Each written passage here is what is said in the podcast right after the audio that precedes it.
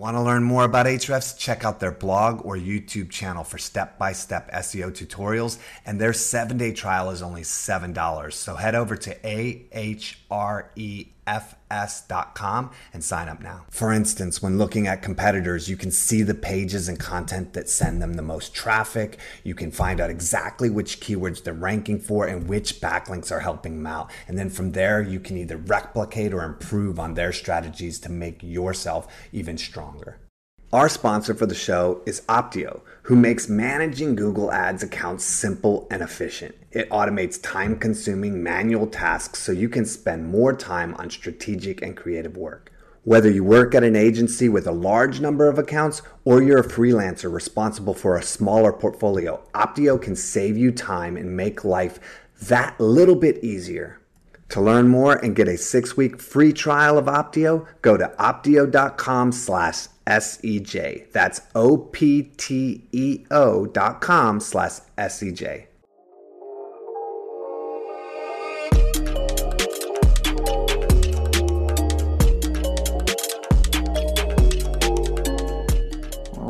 Right, we are live. Hello, everybody. Welcome to the Search Engine Journal Show. Uh, thanks for joining us. I'm Danny Goodwin, Executive Editor of Search Engine Journal. Uh, today, I'll be joined by Loren Baker. Uh, Loren is the founder of Search Engine Journal. I may have heard of him. Uh, he's also the uh, VP at Foundation Digital, a boutique digital marketing and PR agency.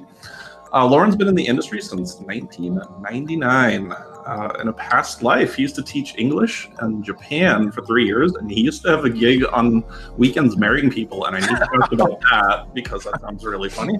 Um, he's spoken pretty much every conference you can think of. Uh, you know, if you've ever gone, you've probably seen him.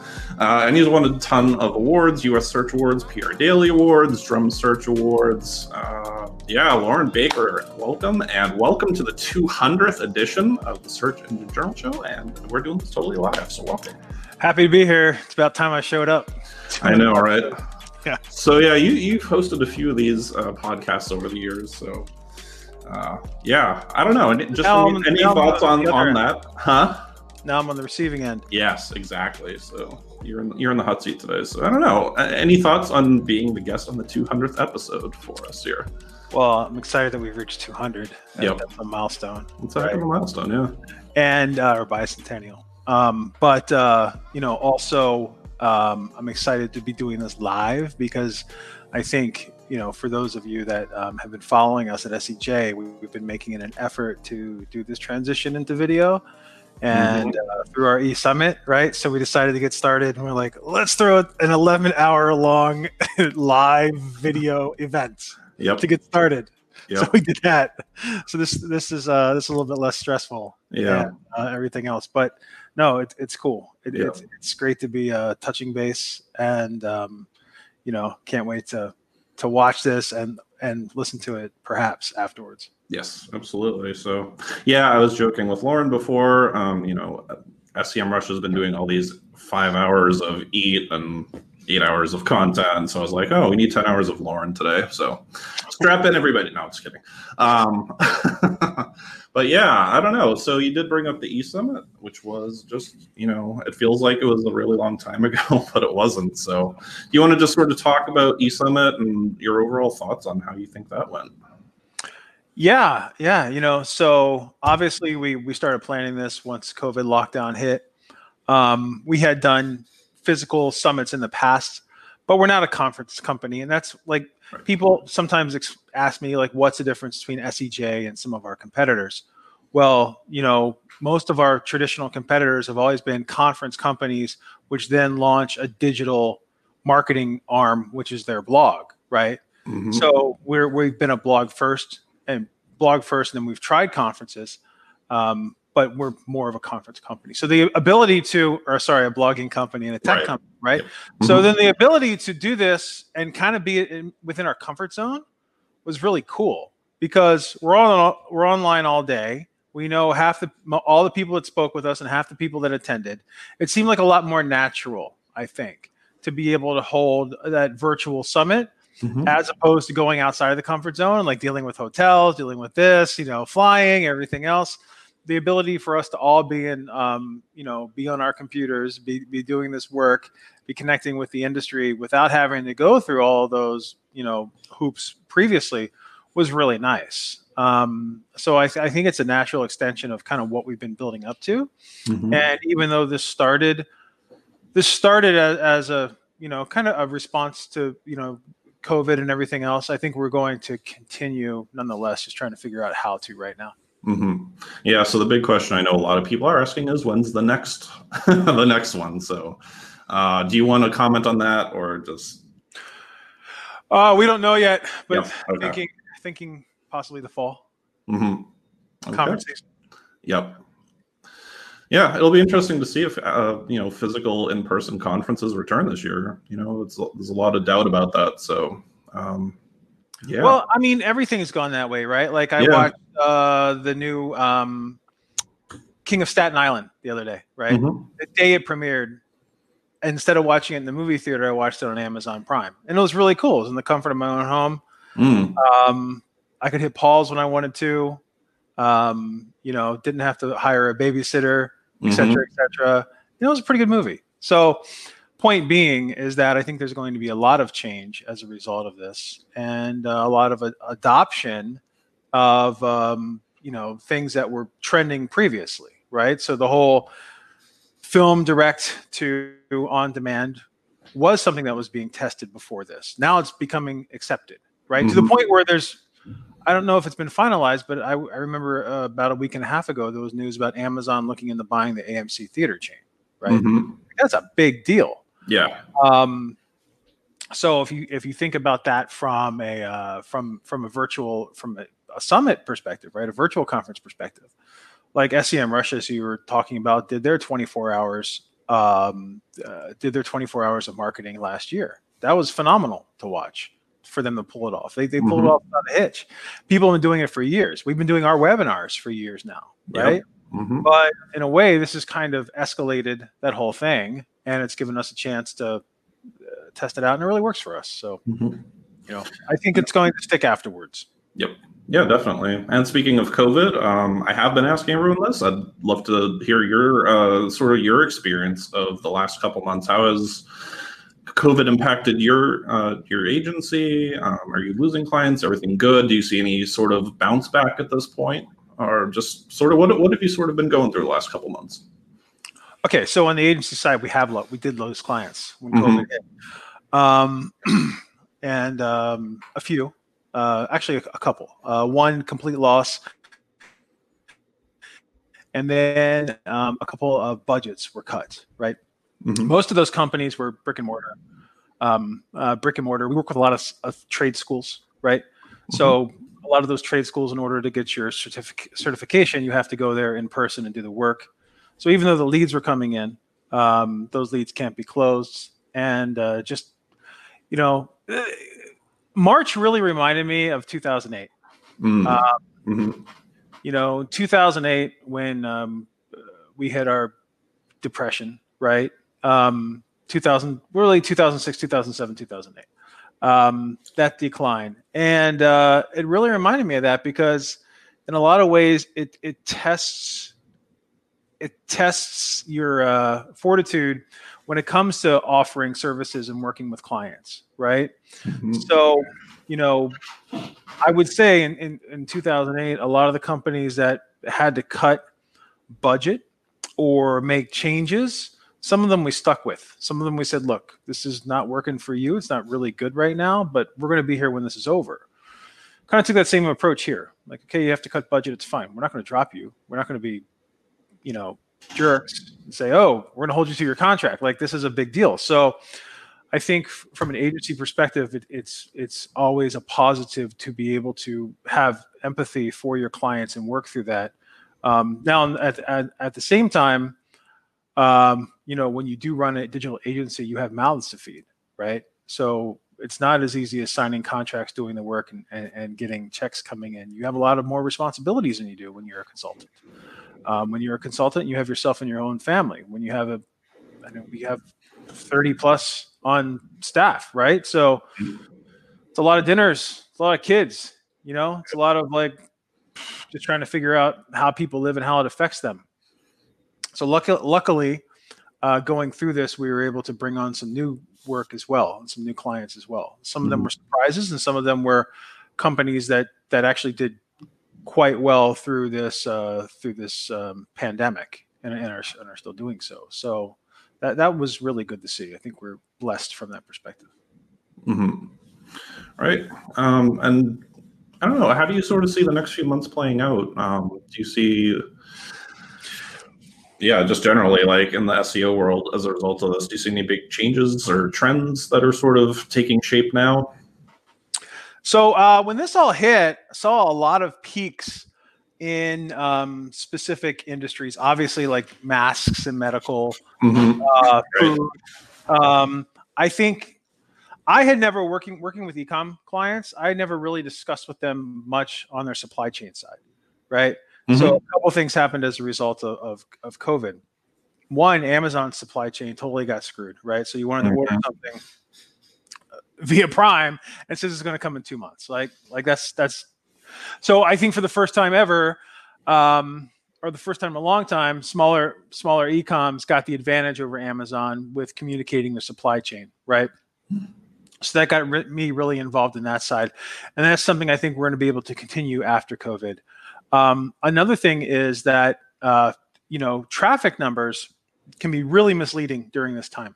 hmm On the ecom side, uh, we saw um, conversion rates increase because there was less traffic, but there was more revenue because the people that were actually searching for for items wanted to buy them here and there. So it was a question of it wasn't necessarily a question of um, your price; it was more so a question of do you have it? hmm Can you get it to me? Right.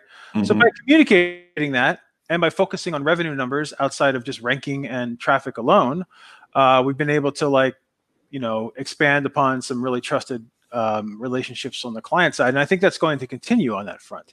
You know, I, th- I think from SEO, it's always, oh, oh, how is this helping me? Well, you know, you, you're ranking. You have you have so many key terms that are ranking on page one. It doesn't really mean anything unless that traffic is getting to the site and converting. So I think you know, the main part, um, during this time, we got deeper into that decision making process and deeper into that funnel.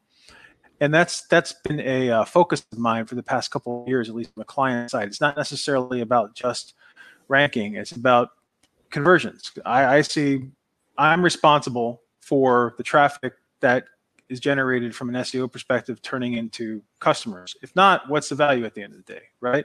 Now, Mhm. sure that there's a lot of people involved with that, but how to turn them into customers Is by getting e- ebook downloads and getting them into the funnel is it by making a transaction here and now right? And, and getting more involved with that decision making process and that sales oriented process has been something that's come out of this and i think it's going to continue. And i think for others in the industry that have also done so i think it's a huge opportunity hmm moving forward. Yep.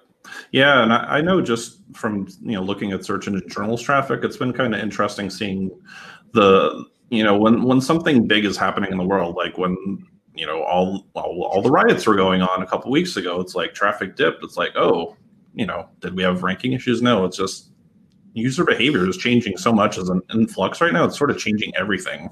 So it, Yeah. it, has been really interesting watching that. So Yeah. yeah. All right, cool. Um, and everybody who's live here on Facebook and YouTube, if you have questions for Loren, please just throw them in the comments. Um, we're going to try and answer as many of those as we can. Uh, it's not too often you get to just hang out with the founder of Search Engine Journal, so please make use of it. If you get questions, SEO, anything, digital marketing, ask away. So uh, we did have one or a couple early questions come in uh, in a private group, so I want to ask you those uh, just to Oh. sort of help kick us off. Uh, Brian Harnish, uh, who's one of our contributors at Search Engine Journal, wants to know what is your favorite, what is your favorite thing about SEO? Oh man, you know what? Um, my favorite thing about SEO is the ability to have balance between creativity and um, data. Mhm. Right. It's very seldom you're able to do that. It's very seldom you're you're able to play things from a numbers algorithmic side and then of your brain, right? And then Mhm. also be able to use the creative side as your brain too, right? Because we know that there's a path to get there, but the question is how do we do it and how do we do it differently than our competitors are doing so, right? And a lot of that Mhm. is content driven. So for me, it's been incredibly fulfilling, I guess, making this my life's work um, to be able to not just focus on one side of the brain, but to get that balance between the both, right? And a lot of it's from a problem solving perspective, and a lot of it is also you see the fruits of your labor at the end of the day. It's another thing mm-hmm. I like about SEO, right? Um, yeah. And it's always changing. I could not imagine living working in an industry where it's the same thing day after day after day after day, right? One of the, one of the hardest things about SEO, but one of the most fulfilling things at the end of the day is that even when you think you're on top and you got it, you can be knocked back down again. You got to figure it out, right? Mm-hmm. So Google does a very good job of keeping us on our toes there. Yep. Um, also, if you pay enough attention, you you can work your best to get ahead of the curve, right? Mm-hmm. So you know, and, and, and a lot of it's also uh, building that journey, right? How do we get there? Well, what are our competitors not doing? What can we do? How do we do better from a content perspective? How do we do better from a video perspective? So you're you're involved creates creatively with what the client's doing too, and it's a question of just putting together putting together the pieces afterwards, mm-hmm. right? So yeah. I think that's that's probably what I enjoy about SEO the most is it's not purely an analytical play. It's it's a component of all of the pillars of marketing. And I think SEO is also the only the only um you know if you compare SEO to like PPC and then uh, maybe traditional advertising and, and PR and, and email newsletters, there's only really two marketing disciplines where you get compound benefit from the more work that you do over time. And that's really SEO and, and emails, right? Mm-hmm. Um, PPC, yeah, you learn you can make your campaign better, you can make your conversions better, but you're not necessarily if if if, if I'm selling, if I'm spending twenty thousand to make fifty thousand, I and it gets shut off, it's done, right? Right. The thing about SEO is that that investment over time and as you're stacking and compounding win over win over win, strategy over strategy over strategy, it's going to continue to pay off. So that's mm-hmm. one thing I really enjoy about SEO as well is the challenges, the balance, and the ability to see long-term gain, right? Mm-hmm. And then mm-hmm. grow from that. Yep, absolutely. And Brian actually had a follow-up question. So what is your best advice for new SEOs getting started in the industry? Hmm. It's a really good question. So, um, at start, there was really no, we, it's forums, right? That's really all there was. Um, Aaron Wall came out with his SEO book after a couple of years, and you really learned from your peers. You learned from forums. You learn from you learn from people experimenting. Right? Um, you know, over the years, a lot of things have changed. Like Google actually has Google Search Console, Google Webmaster Tools now, so they're telling you Google's basically telling people wrong at the site day after day after day. They're doing it more and more and more. Right? Never used to do it before, right? So, in addition, what I would say is, is in addition to, um, you know, uh, your, your courses, your certifications, your checklists, or your mastering of uh, Search Console, your mastering of whatever tool set that you like to work with. I would also say make sure that you set the time to experiment right? It doesn't also always mean experimenting on the site that you work on or work with, right? Because you, I, I, experiment on client sites all the time, but I have their sign off on it. I'm like, we're mm-hmm. going to do this thing no one's ever done before, and I don't know what's going to happen, but you know, there's a chance. Here are my projections. Let's do it, and that takes trust. So I experiment on client sites, but what I don't do is experiment without telling anybody. And that's the mm-hmm. beauty of having like your own projects, right? right? So if you have your own projects on the side, whether it's a blog, something that you're passionate about, yada, yada, yada. That great chance to experiment, do things that no one's done before, to try out your ideas. Um, and, and then because I, I think that as, as, the industry has grown over time, we, we tend to uh, take case studies and then apply what something else has done to what we do, which is mm-hmm. fine. But also, you know, take the leap to do something that no one else has done before and see how it works, right? Just make sure it falls within Google guidelines and everything else. Right. Absolutely. Cool. And we're getting lots of questions coming in. So this is awesome. So we're going to start asking right away. Uh, let's see. Let's start with uh, Barbara. Hi, Barbara. Thanks for listening. Barbara Friedberg. Want to know when, when you're improving content using SEO, what is the range of time that it might take to take effect? Yeah, it depends. So, um, and a lot of it depends on the, the site that you're working off of, the content that you're working with, et cetera, et cetera. Mm-hmm. Right. So there's numerous examples. Um, you know, with SEJ, we have a 17 year old blog. A lot of the content that we optimize and rewrite has been out there for a long time. It already has links coming to it. We get links when we publish things, et cetera, et cetera. Right. So typically, we see an instant result when we're optimizing content on, on a blog or on a publishing site. If you're optimizing content on a new site or a site that's in a little bit more when you're not already an industry leader, I typically see, you know, if it's a brand new site or if, or if it's a site that's been around for a while and you're doing something like launching a new blog campaign or optimizing landing pages or whatever, typically talking about two to four weeks until you start to see some kind of movement on that hmm. side. And then it's a question of where that movement goes and monitoring it and things like that. If you're talking about content changes like, you know, adding video and, and that getting picked up in Google video search or image optimization, that can take a long, a, a lot longer than optimizing things on the content level. If you're optimizing things on the content level and you're going through and you're fixing errors, tweaking headers, um, uh, taking outdated content and, and and and making sure it's up to date, typically see a quicker response from Google. But again, it just depends on on on the age and authority of the site that you have, and then also the competitive field that you work within. Mm-hmm. But give it a couple weeks to a month, and you should typically see some sort of movement on that yep. side. Yep. All right. Uh, more good questions coming in. All right. This sounds like a fun one. Let's see. So Kai, I, am sorry if I'm mispronouncing, Kai Simpson asked, question, what is the worst digital marketing strategy you have ever witnessed? And I guess oh, for this, we'll say like, you know, anonymized, don't, don't call them out. but uh, yeah, is there anything that's just sort of like, you know, somebody came to you as a client was like, and you just looked at what they did and you're like, what, what were you thinking?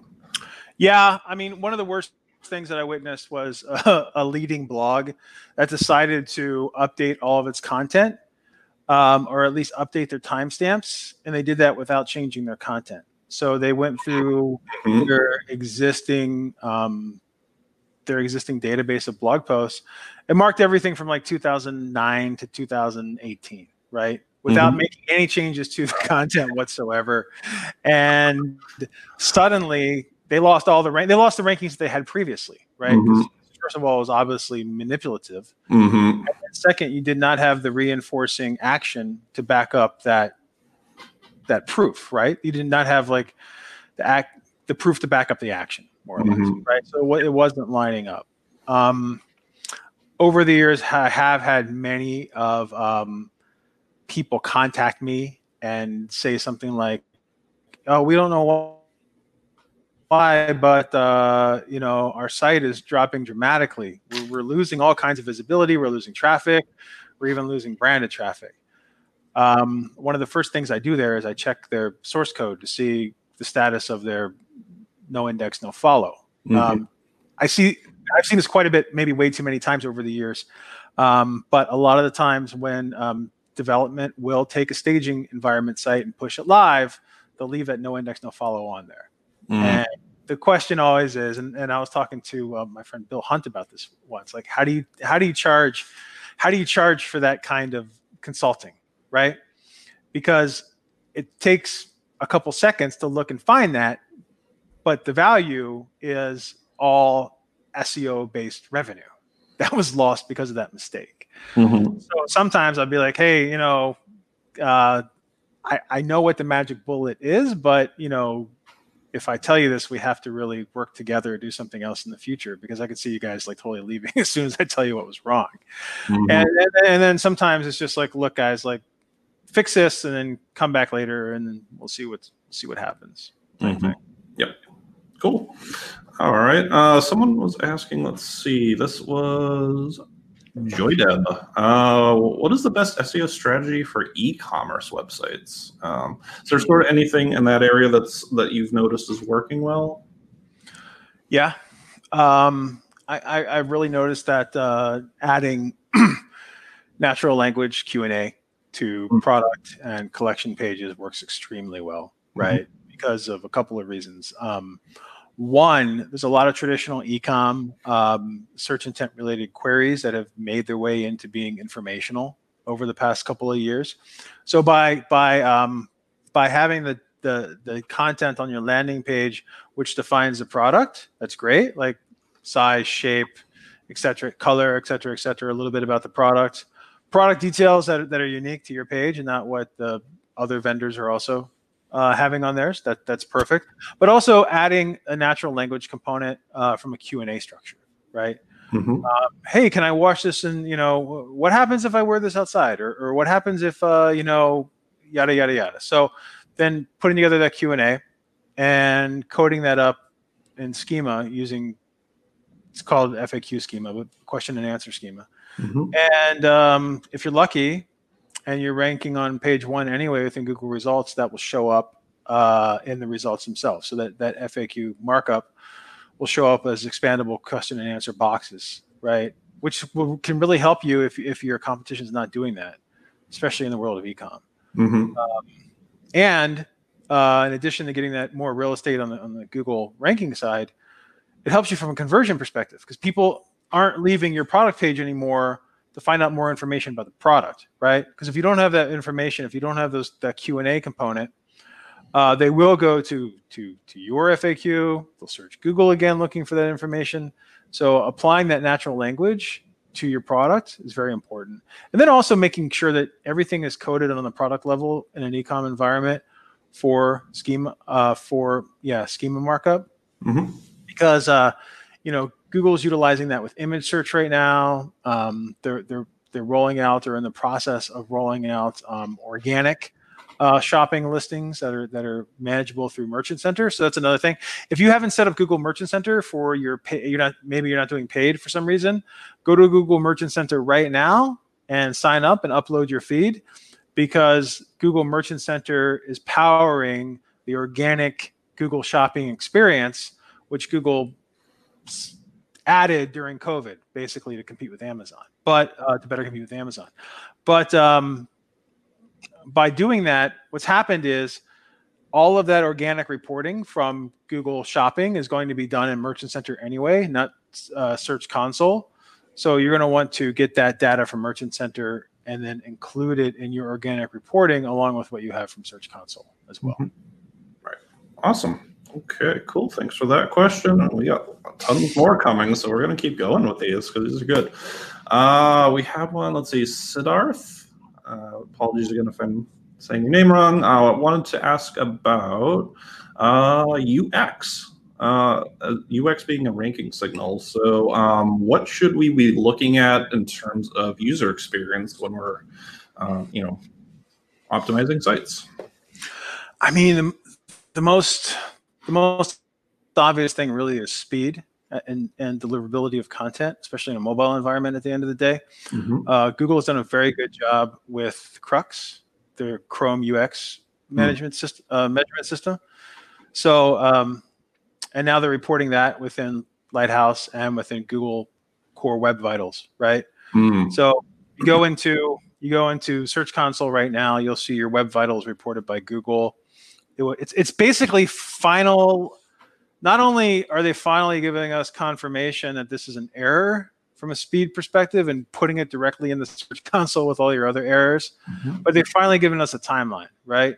Google has said by the end of the year, we have to make sure that um, uh, that that this is fixed, or else it can harm your your ranking experience. So um, that's a pretty big deal um, from a, a, UX standpoint. So Google has given final confirmation that um, that speed is a definitive ranking factor. Mm-hmm. And there's other things like mobile friendliness and stuff like that. That's also important. Mm-hmm. Awesome. Cool. Uh, oh, Danny, one second. I I I I, I got to take a quick break. Someone's at the door. Oh, okay. Hang on. So what happens when you're live that's that's what happens. All right, so while Loren does that, uh, yeah, guys, lots of great questions coming through so far. We're trying to ask more. Uh, so yeah, keep them coming in the comments. Loren will be back in just a moment, and we'll resume the fun of being live. In the meantime, I'll do a plug for our T-shirt store, where you can get this lovely T-shirt. Uh, oops, there we go. uh, t-shirts uh, at searchenginejournal.com. Look at that. Yeah, we should drop that link in the in the in the chat. We'll do that in a second. But yeah, we have lots of cool SEO t-shirts. So since Loren had to leave, we had to do a plug. All right. So yeah. So, speaking of core web vitals, like Yeah. um, there's so many like developers, development teams that I've worked with um, over the past three, four years trying to speed things up. And we'll tell them like, look, this is a big deal. Google wants your site to be faster. You're mobile first now. Fast, fast, fast, fast, fast. Takes you 13 seconds to load. We got to get that down to, to three, right? Like, oh no, no, we'll take care of that when it, when it happens, yada yada yada. But now with Core Vitals, Core Web Vitals being reported in Search Console, you actually have a measurable timeline to be able to give to um, developers on the client side, and then push from the C-suite, the VP level on in, right, and get that support. And it's become really helpful. It's become almost as helpful as um, the ADA Act has been for getting alt attributes fixed. Uh, Core Web Vitals will be for you for getting speed issues fixed or getting them prioritized internally. And the good thing, the, a great way to also sell those speed fixes is that speed does not only benefit SEO and Google ranking, it also benefits conversions, right? So the faster the site, the more conversion from your better performance you get from PPC, from your email campaigns, from all forms of marketing as well. Um, uh, Cloudflare has a chart on like if you for Cloudflare speed and conversions, they have a really simple to follow chart on how um, how what they've tracked with conversion rate based upon site speed and how when this it's very common sense but it's a good visualization of it as your site gets faster you convert more especially in e-commerce Absolutely. All right, uh, great stuff. Uh, we'll go with another comment from the chat or a question from the chat here. So, um, let's see. If you could rank all the factors affecting a SERP position, what are the three most important factors in your opinion, Loren? And I know Google has come out and said this, but this a couple years ago that links, content, and at the time they said rank brain, but I don't know if that would be the case anymore. But uh, yeah, what would sort of be your top three? Would they be the same? I mean, links, links, performance, and content, right? So by performance, speed, Mhm. ability to load a site within a mobile environment, um, content. You know, content's a really interesting thing because um, content, content performance is relative to the space that you compete in, right? Mhm. So if you're competing within a space where the bulk of your competitors aren't investing in content and you do invest in content, then that gives you a huge advantage over them. And it gives you the ability Mhm. to create the best content in the space, right? The best content available in the space. First of all, when people are clicking on one, two, three, and there's nothing really there, they may click on you at number four, and they see you can bring them in. You can tell a story. You can have uh, some some some graphics, some charts, uh, the ability to sign up for your newsletter, whatever it is. You can hook them right with the content um, once they're on the site, and then also having the best content gives you an excuse to have links, right? no one's going to naturally link to the worst content ever. They're going to link naturally to the best content available. So why not produce the best content that you can in your space? And that gives you an excuse. First of all, if anyone from Google is looking at your inbound links, they see that it goes to a, uh, a content rich page that's worth linking to. But secondly, it gives you the excuse to do that old quote unquote skyscraper technique Mhm. you can go out and uh, do the best content in your field and then do competitive linking, asking people to link to you in addition to your competitors as Mhm. well, right? Yep. Yep. You know what's interesting too with the links, like it's like once you get into especially the number one spot, you, you just start getting links like crazy too. Like I even see it with contributors. It's like if they they go to look for a stat, you know, I'm sure you've seen this too. It's like if you search for any stat, whatever's ranking number one, people will cite that. Oh God, Um, it yeah, drives me crazy. yeah, Um, it drives me crazy with writers because they always do that. I'm like, no, no, Yep. no, no. You gotta you gotta source the source. You don't source something that that's that's referring to the source, Mhm. right? Just because it ranks in the top of Google doesn't mean it's the source. Yeah. right? So, so that drives me crazy with data, right? Mhm. Or like, what's the site? Statistica. Stat- Oh, and- yeah, yeah, yeah. People are like, ah, they're getting links all day yep. because they're ranking for a lot of data queries and stuff like that too, Yep. right? So you Yeah. do like we get links all day at Yeah. SEJ based upon what we're ranking for, and it's it's really interesting sometimes to go through the inbound link uh, reports to see what trends, right? So that's something you can use, and and you know, Google's been telling us forever that they're going to to get more.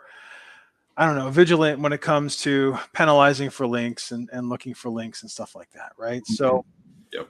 it's not that you can't build links, but what you can do is you can learn from the ways that you're naturally getting links, right? Or people are linking to your competitors naturally. Um, so go through those, go through those reports. Like, why? What's the most linked to page on my site? Why are people linking to it? Um, what can I learn from this? How can I apply this to my campaign? How come people are linking to this article on this news site? What if I were in this article? Mm. This article is not offering me a direct link, but they're offering me a no follow. Well, I'll take the no follow because that article ranks really high in Google. When someone's searching for something and they read that article and click to my site, it's still search intent traffic, it's still Mhm. traffic that converts. Yep. So there's a lot of a lot of opportunities on that side. hmm Absolutely. Cool. All right. Well, I think we've exhausted the people. Oh, that was Lawrence. So, Lawrence, thank you for that question. Uh, yeah. So we will move along. Um, you know, it's funny what you're talking about linking um, and link building. I remember seeing, I, I believe it was, was Jason Barnard maybe who asked you this question, and he said, "What's the what's the best link building tool?" And you said it's the publish button. I always love that. Yeah, Um, publish button. Yeah. That's like that's the that's the goal at the end of the day. That's like the the pot of gold at the end of the rainbow Yeah. of Mhm. content marketing.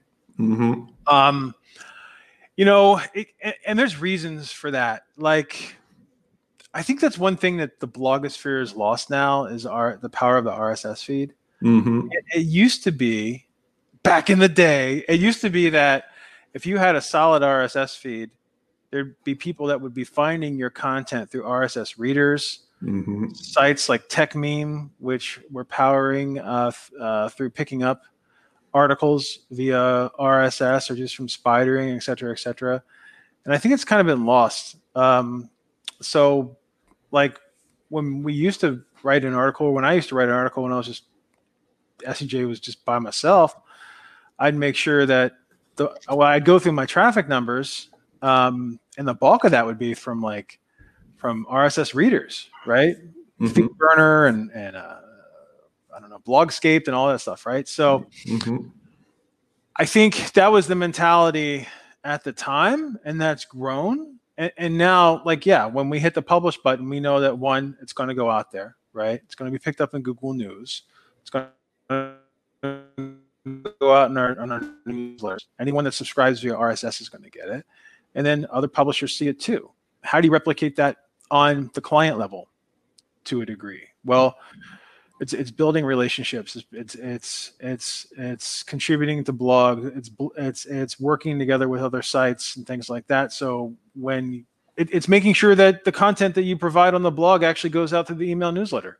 Mhm. Small little things, right? hmm it can be things that especially when you're consulting it, it can be a battle you know um, like hey you know we send out our sej today on a daily basis it usually works with the, with the, xml the rss feed the xml every Yep. once in a while it looks funny but it works and it, and it brings traffic Mhm. um, Yeah. back to the site at the end of the day, right? And it brings links because people read it and they link to it themselves. Um, how can you do that on the client side? How can you get the content that you're providing from an SEO perspective in front of the rest of the audience? That's not that doesn't need to find that content. They they're already brand advocates. So when that client shares it on social media or in their email newsletter, they go directly to the site. Those people link too. Mm-hmm. Yep. Absolutely. All right. So, uh, yeah, I want to chat to you a little bit about the history of search engine journalism. Since this is a big milestone episode, I figured I might as well get the whole whole story out there. Um, so, talk to me a little bit about why you started Search Engine Journal and what, what was it like back when you started versus today? What's like some of the big changes that you've seen? Okay. Started Search Engine Journal in June of 2003. um, I was living in Brazil at the time, and uh, uh, the reason I started it, I'll, I'll, back up a little bit. Um, I've spoken about this before at conferences and stuff, but uh, in '99 slash 2000, I was a, I was finishing up college, and um, SEO was not a thing at the time. Mm-hmm. But um, I was finishing up college, and well, it wasn't a big thing. I mean, SEO existed, but it just wasn't a big deal. And I decided to get into internet marketing instead of uh, basic PR, right? Which is what I was studying in school, PR and, and advertising. Okay. So um, I got into internet marketing and SEO, and then um, I was doing fairly well from an SEO perspective, working at a, a very small company. And um, then in 2001, I decided to retire from the world of SEO. So I quit my job um, in SEO in 2001, okay. and I went to go teach English in Japan, uh, which is something I always wanted to do. So uh, I enjoyed doing that for a couple of years. And uh, then in 2003, I moved from Japan to Brazil. Now, um, while I was living in Brazil, I noticed that I couldn't make the same wage or salary that I could when I was living in Japan teaching English. So I had to get back into doing something to pay off my what existed of my student loans. Mm-hmm. Uh, so I called up my old boss and uh, went to see if she needed any help from an SEO contracting perspective, and she did. And I really had unplugged from the SEO industry for a couple of years. Uh, and a lot of change during that time. Like Google was not a major player before 2000, 2001. Um, it was all like Alta Vista and Excite and Lycos and stuff like that, right? Mm-hmm. Uh, directories were the thing. Directories were the bomb back then. Oh yeah, spamming directories. So um, I had a lot of catch up to do, right? So what I did was I got really involved with a lot of forums, create a site forums, SitePoint forums, um, and some others. And I found that I was I was trying to kind of establish myself in the industry. So I was I was writing responses to questions and then asking about things and stuff like that, networking within forums, which is very valuable. Everyone should do it. And I found that I was contributing more content to them and then I would be my own site. So I'm like, you know what? I should mm. launch my own site. And instead of writing a, a two, three page response, maybe I'll turn that into an article. Mm. Um, so Google bought Blogger around the same time. That was big news. So I'm like, oh wow, I can actually do this on a blog now and not have to upload via FTP and everything else. That's great. Um, so I went to I went to go buy searchengineblog.com. That was taken already by a guy named Peter Devanzo out of New Zealand, I believe. And uh, the next logical thing was Search Engine Journal because at the time blogs were either called web log, right, which blog is short for, mm-hmm. or web journals. So I went and Search Engine Journal. Instant credibility, right? Wall Street Journal, Medical Journal, et cetera, et cetera. There you go. Um, and uh, yeah, launched it on a blogger. Uh, it was searchenginejournal.blogspot.com, the, the main redirected. Um, it was a good it was a good platform at the time. And then about six months later, some guy reached out to me. He said he was uh, beta testing this new blog technology called B2, which was a precursor for WordPress. And I could actually put it on my own domain, searchenginejournal.com. Like, yeah, let's do it. So, um, yeah, it just launched from scratch. It was kind of my own personal project for a long time. Mm-hmm. Um, I would get up in the morning for about four or five years and write as much as I could uh, before I started my day. I ended up launching a consultancy from it because I had so many people asking me to do what I had done for SEJ for their company blogs, right, mm-hmm. or their company sites. And um, it kind of grew a lot uh, larger than I had ever anticipated. I mean, my first ad sale was 35 bucks that I got like after a year. Someone paid me 35 bucks a month to put their ad in my my sidebar. Nice. Which I was really excited about at the time. Then it just mm-hmm. grew and grew and grew and grew and grew and grew from there. Want to learn more about Ahrefs? Check out their blog or YouTube channel for step by step SEO tutorials. And their seven day trial is only $7. So head over to AHRE fs.com and sign up now. For instance, when looking at competitors, you can see the pages and content that send them the most traffic. You can find out exactly which keywords they're ranking for and which backlinks are helping them out. And then from there, you can either replicate or improve on their strategies to make yourself even stronger. Our sponsor for the show is Opteo, who makes managing Google Ads accounts simple and efficient. It automates time consuming manual tasks so you can spend more time on strategic and creative work. Whether you work at an agency with a large number of accounts or you're a freelancer responsible for a smaller portfolio, Opteo can save you time and make life that little bit easier.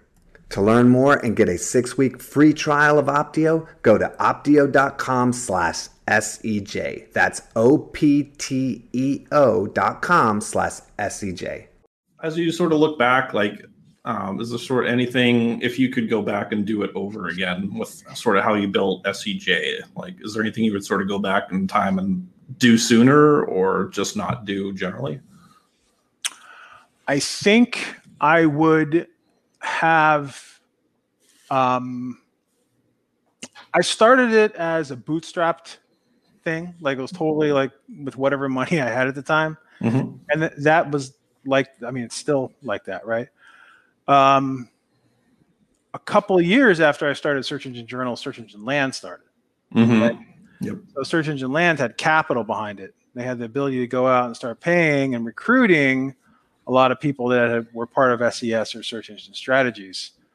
I was doing this by myself. So I was going out and recruiting people to compete with Search Engine Land because they were able to, you know, have a lot of names, publishing a lot of stuff, and it was going hot pretty quickly. They had an mm-hmm. established company behind them, everything else.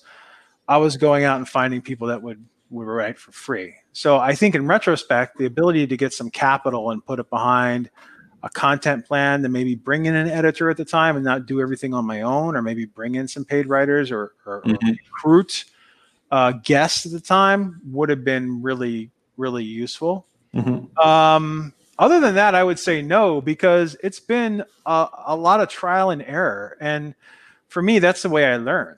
Right? Mhm. Like there was a lot of blogs that started at that time, and I'm still friends with a lot of people that started blogs then, and those blogs have grown. So, um, like people that are just trying to figure it out, like Pete Cashmore at Mashable, or you know Brian Clark, a Copyblogger, and stuff like that. Mhm. So um, the ability to kind of j- just get started, Darren Rowse, like the ability to just get started during the infancy stage.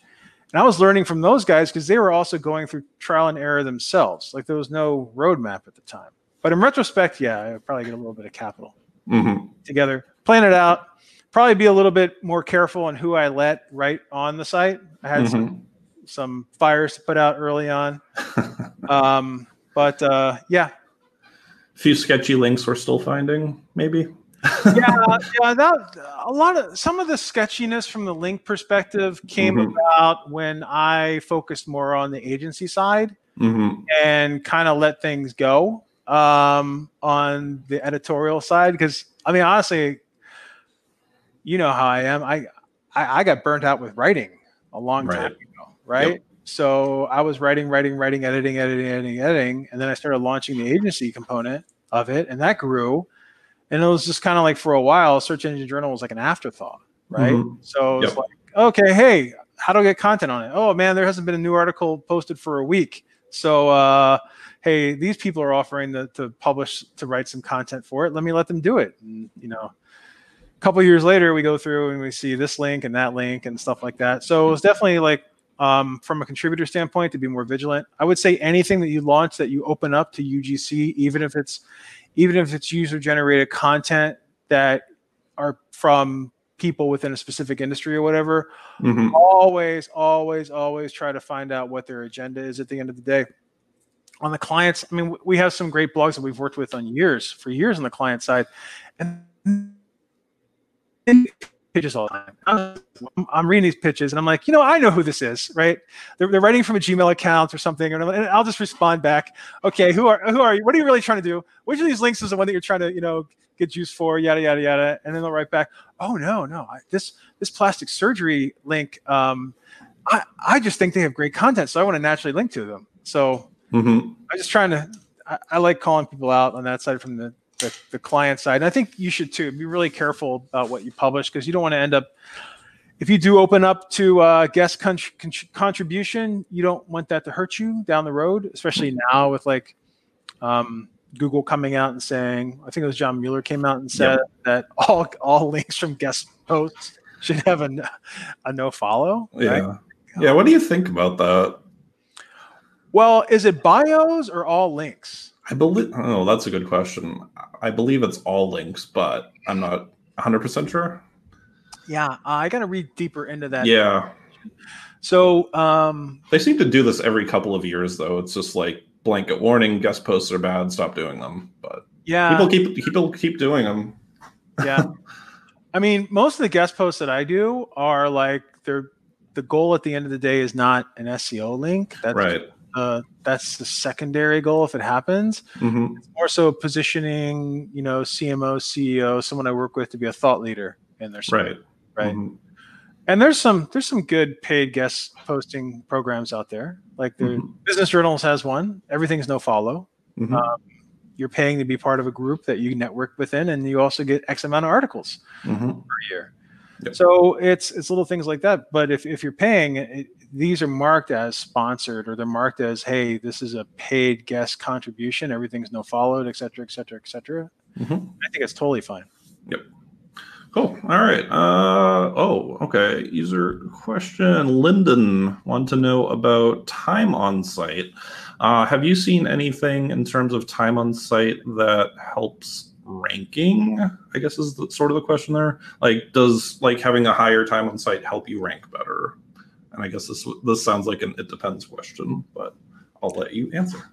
Um, it is kind of an it depends question mm-hmm. because I believe it does. And there was a theory going on for years that Google uses Google doesn't use bounce rate or they don't use the minutes and time spent that's reported in analytics because right. analytics is front facing, not back end, mm-hmm. like Search Console is. Mm-hmm. But at the same time, the ability to track, um, the ability to track time spent on the page, micro conversions, clicks, mouse overs, etc., etc., through Chrome was always kind of a hey, it's not official, but we do believe that this actually helps at the end of the day and I, I think it still does from a, from a Chrome UX experience too. And it's also like if people, it's a quality metric that may not be a direct SEO metric, but it's going to help you long term. Right. Or staying on your site. Well, there actually there's two reasons why they stay on your site for a long time.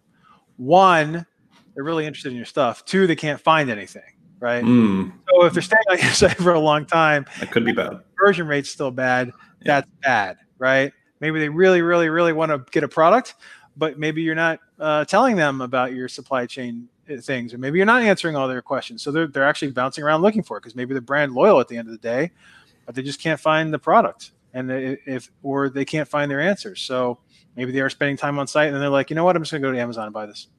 Mm-hmm. Um, but yeah, I mean, I believe it's a I believe it's a quality indicator. Um, I believe that deep in my heart that Google uses those quality indicators from their Chrome UX tracking mm-hmm. uh, to identify time, maybe not from a metric perspective, but just like a dwell time perspective too, right? Mm-hmm. And then I also believe there's intangibles involved with that, right? So if someone's on your site and they're watching a video, they're sticking around, they're going to another page, they're going to another page. That's a plus at the end of the day from you because you're giving people an experience and you're not just giving them a flash piece of content to buy, buy, buy, buy right now. Mm-hmm. Maybe they're spending more time on your site because you're educating them, right? Mm-hmm. Yep. Educating them, then they're always going to associate you with those facts or that positive experience that they have on your site. So, I mean, you know, Patagonia's done that for years. I'm very mm-hmm. good at it. And that's really content marketing at the end of the day, too, right? But if mm-hmm. people are getting to your site and they're bouncing off immediately, that's a quality indicator that goes beyond SEO. Uh, hey, I, I, I spent a lot of time putting together this 2,000 word article and people are only getting to the second paragraph. What's wrong? Maybe your intro was terrible. So you have to just redo it, you know? So that's, yeah, I think it's a quality indicator that goes even beyond SEO at the end of the day. But I do, I do think that um, all in all, especially within um, your competitive set, it, it, can be a ranking factor. Mm-hmm. Yeah. Uh, cool. All right. Thanks for that question. We'll do another one. Uh, Mariano wanted to wanted you to talk a little bit about SEO for news. So what's what's what's working right now in news? We're we're in a good position to know this. We could talk about AMP. Do you want to talk about AMP, Loren? Talk about what we're doing with AMP. yeah. So um, you might notice on the site that uh, some of the older content that we have is not using AMP, and then some of the newer content is using AMP. And there's been changes that we've been making on that side. What we've been doing at SEJ, and we found that um, actually we can give a better user experience by not using AMP, or the same user experience by not using AMP, and that does not necessarily hindered us from a news traffic perspective either from Google.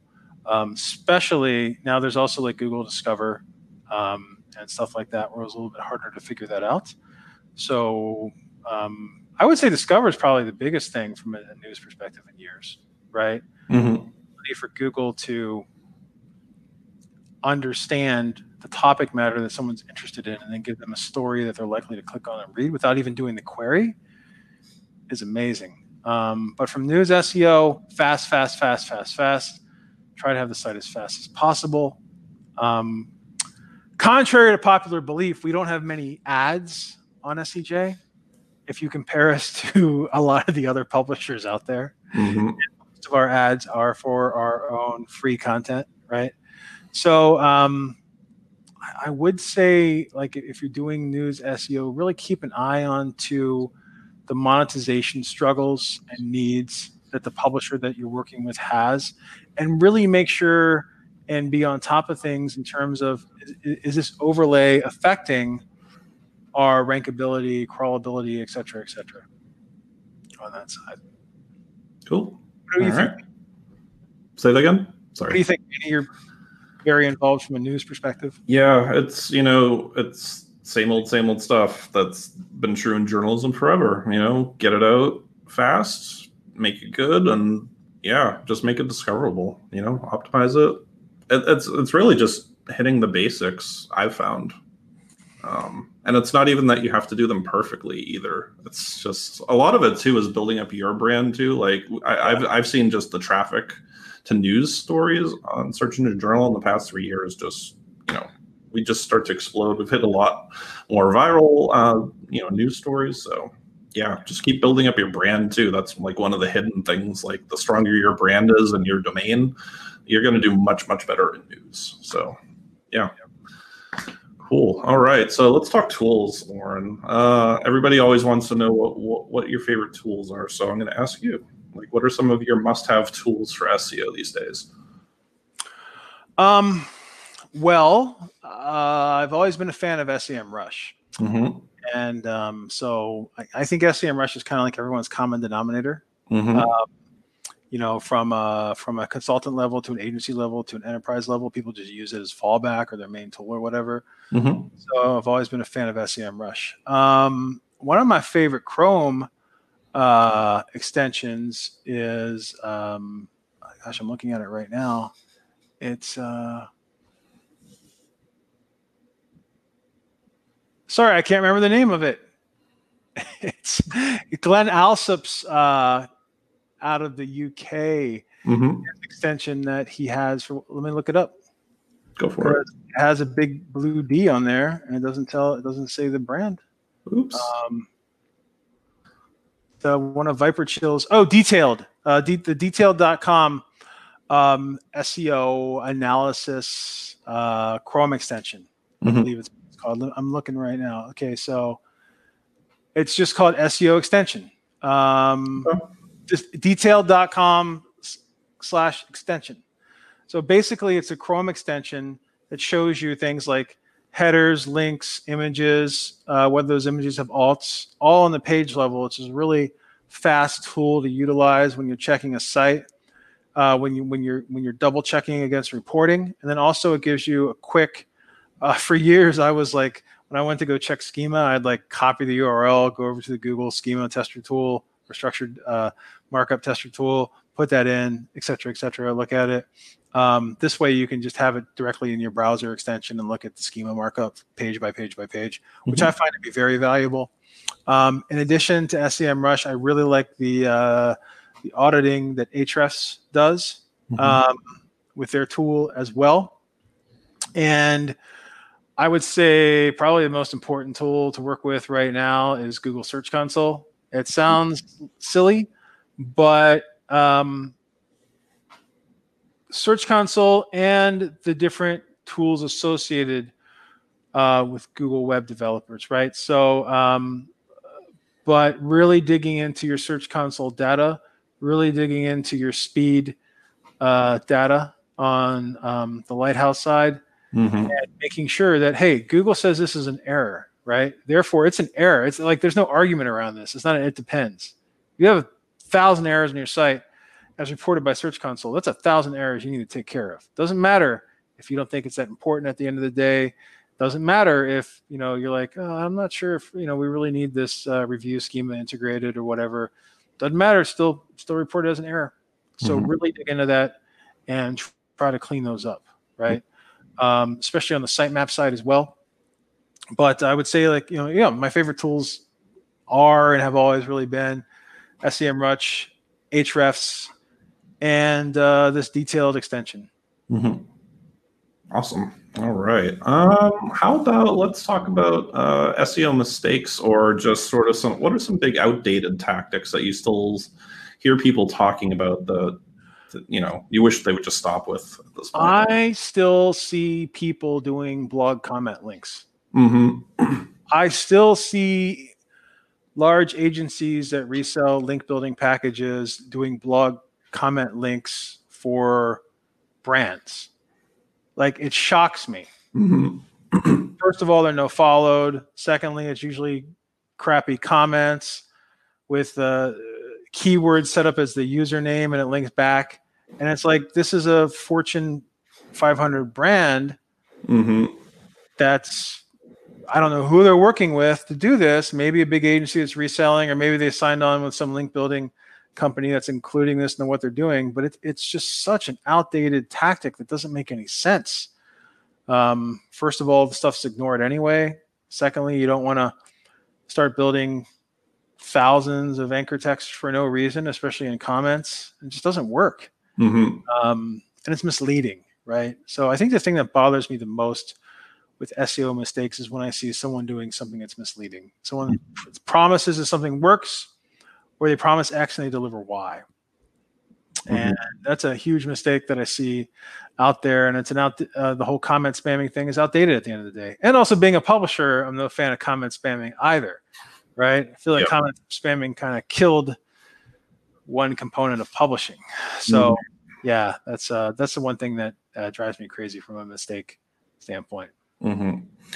How about so let's let's flip that around a little bit. Uh, what's sort of one one great piece of advice that someone has given you about SEO, or even something that's helped you in your professional career?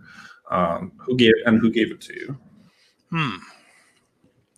Well, um, I think some of the best advice I have gotten on SEO has been from Bill Bill Hunt, who we had on our SEJ eSummit. It's like looking at the value of your work as opposed to what the deliverable is, mm-hmm. right?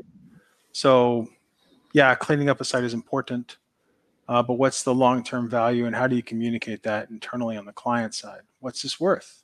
Should I sign on for this project or should I sign on for this project plus X amount of sales that come from it? Right. So, mm-hmm. really looking into that. Um, I think, you know, I, I've been, I've been a freelancer all my life I worked, except for like teaching English and one of my first jobs out of college. I've always worked for myself, mm-hmm. good and bad. Um, I would say some of the best experience I, have had on, on that side is, is people have told me, and I never did this, is to find a mentor, to find people that have, have been through this previously. Doesn't necessarily mean you have to go pay for some business coach or life coach, but find someone you can talk to. They don't necessarily have to be an SEO, but just a, biz, a person that has experience running a business, running a consultancy, doing freelancing, mm-hmm. working with other, being a vendor, right? As SEOs, we like to say we're not vendors, but we are. Like that's that's we are. We're a vendor at the end of the day. Once you get past that, you can achieve anything. So, um, but just how to be a better, how, how to take that relationship that you may have as a vendor and, and turn that into a partner relationship, and that's that's been extremely important. Like, um, I have clients that have been with us for ten years, plus, right?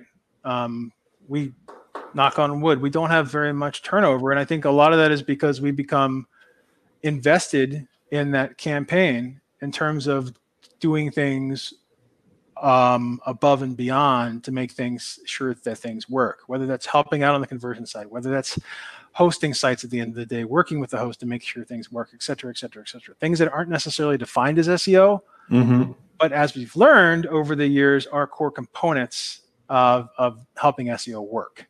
Mm-hmm. Awesome. Um, what about um, so we didn't do this at the start. I probably should have. Uh, you know, just tell tell us a little bit about Foundation Digital. Uh, you know, what do you do there? What's your role, and sort of what what sort of stuff do you typically work on?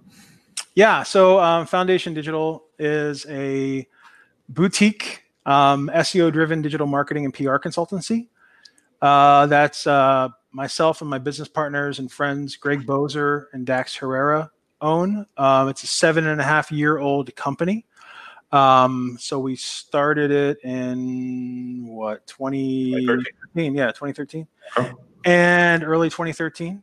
And um, yeah, so um, we handle SEO, uh, but we also handle everything that happens after that SEO plan is put together, and that's mostly on the content marketing side of things mm-hmm. and then mm-hmm. the outreach, PR, link acquisition component of all of that, as well as uh, blog development and hosting. So, so for some of our clients, we we run everything. We we design their sites, we code their sites, we host their sites, we do their SEO.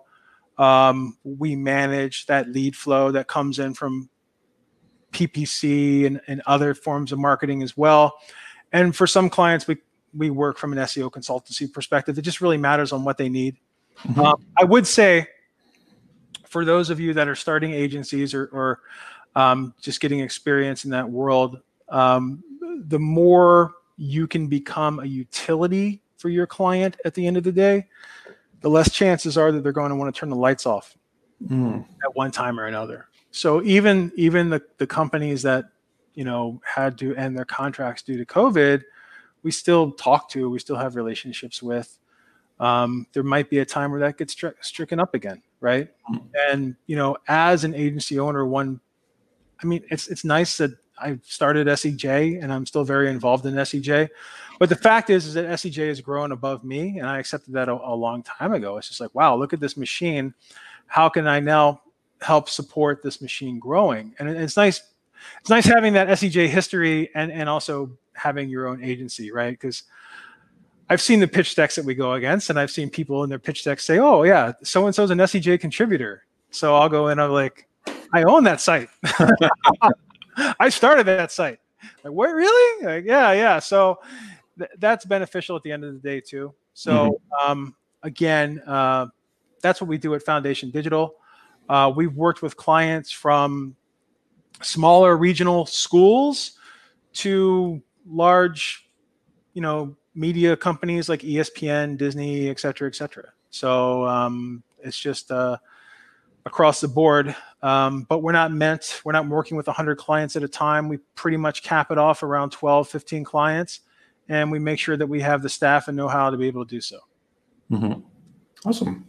Um, let's see. Uh, da, da, da, so this will be a fun one for you. Is do you have sort of a favorite SEO campaign that you've worked on and sort of what made it special. And if you can't say what it is due to NDA, like obviously who the client was, but is there, uh, yeah, is there anything that sort of sticks out to you as sort of like one of your favorite SEO campaigns that you've ever done and what made it special for you? There's a couple. Um, they're both a little bit older. One was in 2017, I believe. We did a, a big zombie campaign for forrent.com, which is now parts of, it was now acquired by apartments.com. Mm-hmm was like how to defend your apartment from zombies. Nice. This is during like the the Walking Dead. Walking Dead, yeah. Mm-hmm. Peak, you know, when Walking Dead peaked more or less. Mm-hmm. And it was a great piece. Um, we've done a number of pieces like that where we've brought in physicists to do studies around uh, what kind of door you should have, or the speed of the zombies, or what kind of force that they like. We'll watch the videos from all of these different zombie movies. Mm-hmm. We'll see how many zombies it takes to break in the door, right? So it's like little things like that and what type of door. So bring in the ability to add that kind of um, proprietary data and proprietary research to pieces like that really helps. So for a while there, we were doing a lot of that with a couple of our clients that were really into sci-fi. Another one was uh, called Fat Wallet, which is now Rakuten. So um, we were doing things like the fastest ship in the galaxy, like looking at all the sci-fi ships from each different movie and comparing them from a speed perspective, nice. along with real like vehicles. And that popped. Like that really that that was a story of the day on Facebook. It was picked up by every single like science um, site there is, sci-fi site like Sci-Fi Channel, IFL IFL Science, um, all of uh, Gizmodo, all of the science sites. So that was a really big hit. We won a bunch of awards for that, which was cool. Like it's nice to do at the end of the day, like walk up and win an award. Um, and then um, I would say that in addition to uh, that zombie and sci-fi campaigns, um, gosh, there was another one that was on. I was about to talk about. I kind of forgot about it, or maybe I mentioned it a little bit. But um, yeah, really anything that, that is uh, proprietary data that has the ability to take off on its own and gra- um, grow its own legs has been exceptional. Mm-hmm. Um, and then one of the smartest things that we've done is we've we've hired internally on the PR side to get people that have a background in traditional PR to get those wins that are a little bit above the outreach that's typically associated with SEO, right? Mm-hmm. Mm-hmm. So getting clients on NBC or you know the Today Show and stuff like that has been pretty phenomenal on that side, and it helps from a search perspective because it ends up getting links. Mm-hmm. Awesome. All right. Uh, how about let's talk clients really briefly. Um, how do you do you sort of have any tricks that you found work for weeding out uh, clients that may not be the best fit for you, or just sort of any general tips when you know taking on new clients? Yeah. Um, you know, the biggest thing I would say is just make sure that um, you find out as much information about them as possible while they're finding out information about you, right? So the last thing, the last position you want to be in um, when taking on a new client is their inability to implement the changes that you need to have changed on their site from an SEO perspective right? Mm-hmm. So really understanding, and, and, it also gives you the ability to prioritize too. So really understanding how their development team works, what their timelines look like. You know, are you going to start a new SEO project for an ecom company in September and they freeze in October? Um, how does that work? Would it be better to start in January? Right. So really trying to figure that out because the last, because the ability to get that initial win is very important for the long-term relationship and the ability to communicate which obstacles could stay in the way of that win also helps a lot too. Mm-hmm. Awesome. All right. Uh, let's see. What else do we want to talk about? Oh, any other questions? I forgot to check. My apologies. Um, oh, actually, I had a question for you. So, sure. in terms of content right now, are there any things that are are working or not working as well? Like, you know, some people are saying, you know, sort of the the time of the death of the blog post for a lot of companies. Are you seeing that? And if so, like what's sort of working uh, really well on the content side right now?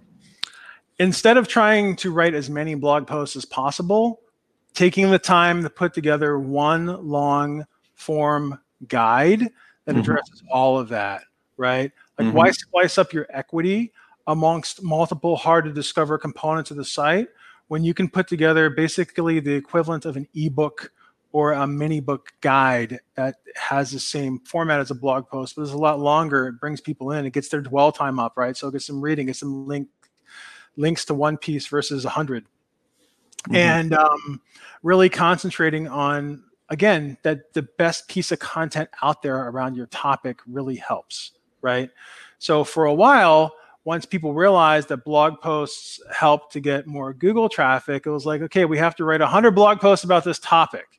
Mm-hmm. what have we been doing lately, Danny? We've been cleaning up all those blog yes. posts, mm-hmm. pruning them, consolidating, right, mm-hmm. into larger pieces, right, which have an evergreen lifespan and are easier. There's less resources being put into updating one piece versus 100 pieces, right, year right. after year after year mm-hmm. and it gives you one central location to link to, right? Mm-hmm. Oh, so one of one of the most fun SEO campaigns I've ever worked on um, was, and I can talk about this one. So it was for American Eagle, and at the time, this was a long, this was five years ago now. Um, at the time, they had never, ever shared a blog post on their Facebook page because mm. their blog was run by one division of the company and their Facebook was run by a completely different division of the company that never really talked.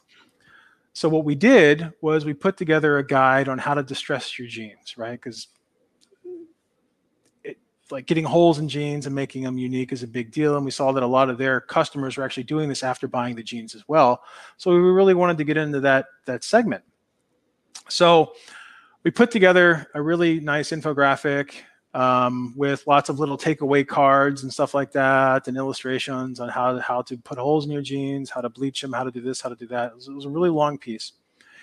And what we did was we finally got permission for them to be able to share this piece on their Facebook page to their 15 million likes, right? Mm-hmm. Is probably a lot more now. But what they wanted to do when they shared it was they wanted to have the image and write about it and then have a bit.ly link. You never want to do that on mm-hmm. Facebook because right. what happens then is that there's less of a chance they're going to click on that and go directly to the site. Plus, you're sending them through a shortener. Plus, you know, the image is weird and everything else. So, what we did was for over the course of six weeks, we used a different Facebook Open Graph image in the code, right? So, the first Open Graph image was um, was like the introduction to the guide. Second open graph image was how to bleach your jeans properly. Third open graph image for the third week was how to do this. And we turned it into a social campaign where instead of having the image and the text and the bit.ly link, we would just share that post. But since we shared that post at different times and it had different open graph images at those times, we had different messaging appear um, within those posts. And it took off. It took off so rapidly. Like we were getting – hundreds and thousands of likes for a, like this is the first time again they'd ever shared a blog post on on their on their social channel right mm-hmm. so we were getting hundreds of thousands of likes every time they shared that and then on top of it it would go viral because fashion bloggers would um, reshare it and or share it on their own formats or write about it and so we were able to utilize their existing social media channel as a way to amplify that content. And since I, I, I do believe with that campaign, we were also able to utilize their email list as well, which is huge, right? So this that that's the campaign that really got me into looking at SEO and content marketing beyond because I was kind of spoiled when I got into content marketing because we had Digg and we had uh, mm. Reddit and stuff like that. So you can have stuff go viral, shut down the site in a matter of hours. And that was a success. Get yep. a lot of links. Um, but we don't really have it anymore, right? But what you do have on the client level is their own distribution channels, which are set up for things like specials and deals and, and, and getting reviews. But if you can get into that system and pipeline, that's your publish button equivalent, right? Mm-hmm. Yep. And that's a way that you can get links, you can get traffic, which is very important at the end of the day, right? Because of, of, of Chrome UX and everything else. You can get people sticking on the site, you can get people sharing, commenting, et cetera, et cetera, et cetera. So that, mm-hmm. that worked really well. That was that was kind of like a, a, game changer in terms of um, making sure that it's been, it took us a lot of time to talk them into doing that like months. And then once they did, it was like, oh wow, now we have a case study. Now we can work with all these other clients to do something similar, right? Mm-hmm. Yep. So that was that was a fun campaign. Awesome. Sounds great. All right. Uh yeah, oh, we're getting near the end of our time. Um, so I'll just ask two more questions. Uh sure. first one, what are you most excited about in SEO right now? Oh man, um, I'm really excited about uh, bouncing back after lock-in. Um, mm like traffic bouncing back. Yep. Um, I, would say one of the most um, things that excites me right now in SEO is uh, looking at things from a mobile first perspective. Mm-hmm. Um, and, and I believe people are starting to get it. Uh, even if their site already was a mobile first index, even if their site is the majority of mobile, like most of the designers that I'm working with now are doing the mobile design first and desktop second. So that really excites me because it means that we're not going to have conflicting um, metrics on both sides of the user experience anymore, right? Mm-hmm. That excites me a lot. Awesome. All right. And where can people find you online if they want to follow you, connect with you, or just, yeah, anything else? And is there anything like in particular you'd like people to check out of yours? Maybe a favorite blog post or just anything else? Uh, nothing on the blog post side, but you can definitely connect with me at Twitter at Loren Baker. Like, there's not very many of me with my name. Yep. So L O R E N, not L A U R E N. You can mm. see it right, right here. As it's spelled on the screen, yes. There you go. um, so yeah, definitely follow me on Twitter uh, or LinkedIn or even Facebook. And I, I share a lot of uh, share a lot. I share a lot of SEO stuff on Twitter. On LinkedIn, I try to share more business related things. Like I, I don't read very many business books, but I really been addicted to business reality TV recently. Oh yeah, profit stuff like that. Yeah. Nice. so while sharing things I learn on there.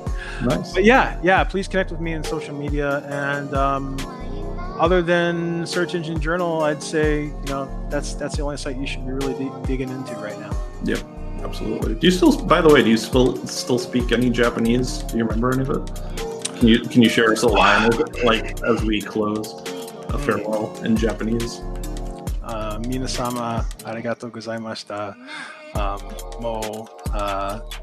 uh, minasama uh, search engine journal uh,